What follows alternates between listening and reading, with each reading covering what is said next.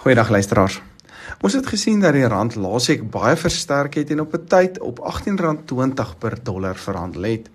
Dit het intussen ongelukkig weer verswak en staan op R18.70 per Amerikaanse dollar. Die rand se beweging word nou gedryf deur rentekoersaanpassings en verwagte aanpassings in Amerika maar ook plaaslik. Dit lyk egter tans of ons sywaartse koerse oor die kort termyn kan verwag. Die Brent oliepryse het gedaal na 83 dollar, maar uh, Dinsdag het dit klein bietjie gestyg weer. En dit was maar weens kommer oor aansienlike laer vraag vanaf Amerika as ook China, wat die twee grootste verbruikers is van olie wêreldwyd. OPEC gaan op 26 November weer vergader en besluit oor produksie. As hulle dit weer sny, kan pryse dalk weer bietjie opwaarts beweeg. In die vleisbedryf het ons gesien dat die gemiddelde speenkalfprys verder gestyg het en verhandel nou op R34.62 terwyl die gemiddelde A23 karkasprys daal na R53.58.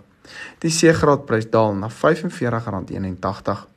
Ek voel steeds dat A-graad slagpryse nader aan die R55 merk kan wees teen Kersfees, soos vraag ook beter behoort te wees oor daai tydperk. Kalfpryse behoort moontlik van middel Desember weer bietjie opwaartse momentum te kry. Soos genoem, daal stoorlandpryse na R37.94 per kilogram met die A23 karkasprys laer op R84.26. Die C23 prys het gedaal na R59.64.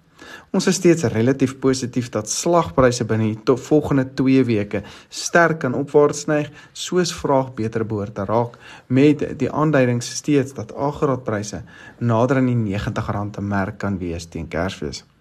As ons na historiese tendense gaan kyk, lyk dit egter of ons laer stoorlandpryse kan verwag tot middel Februarie volgende jaar. Volpryse het soos verwag baie onder druk gekom laasweek en was dit weer eens gedryf deur laer vraag uit China.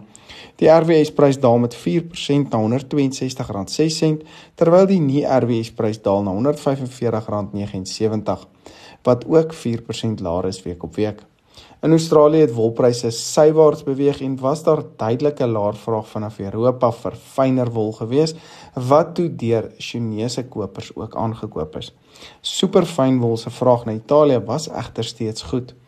Ons plaaslike pryse uh, behoort ook hierdie week te stabiliseer en dalk 'n bietjie te styg met die wisselkoers wat dan ook bietjie verswak het.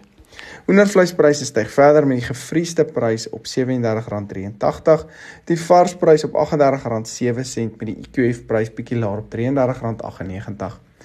Ons het nie die stygings gesien oor die afgelope week of so nie en lyk dit of ons naby aan 'n hoogtepunt tans is vir hoenderpryse, maar moontlik ook vir varkpryse.